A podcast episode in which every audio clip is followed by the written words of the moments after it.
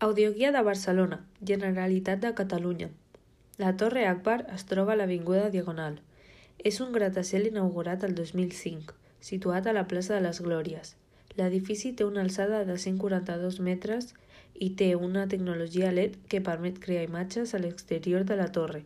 És un edifici molt conegut i bastant visitat pels turistes.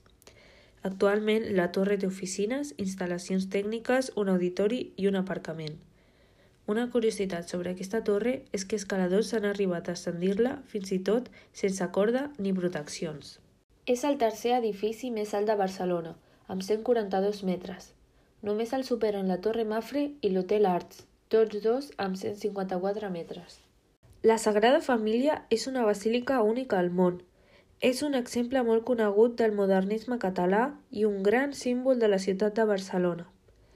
És una obra inacabada de l'arquitecte Antoni Gaudí i es troba al carrer de Mallorca.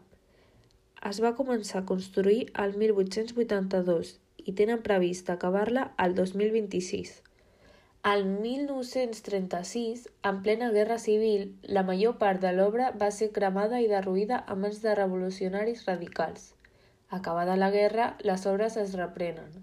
És un homenatge a la tradició de les catedrals gòtiques i bizantines. És bellesa arquitectònica. La Sagrada Família és una idea desenvolupada fins i tot a través del temps. És el reflex de les creences cristianes, és inspiració des de la natura.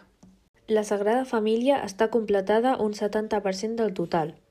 Ara té 138 metres d'altura, però esperen arribar als 172 amb la Torre de Jesucrist.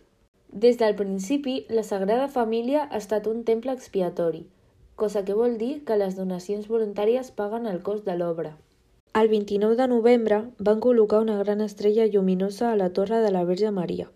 Les llums s'encenen des del dia 1 de desembre fins al 8.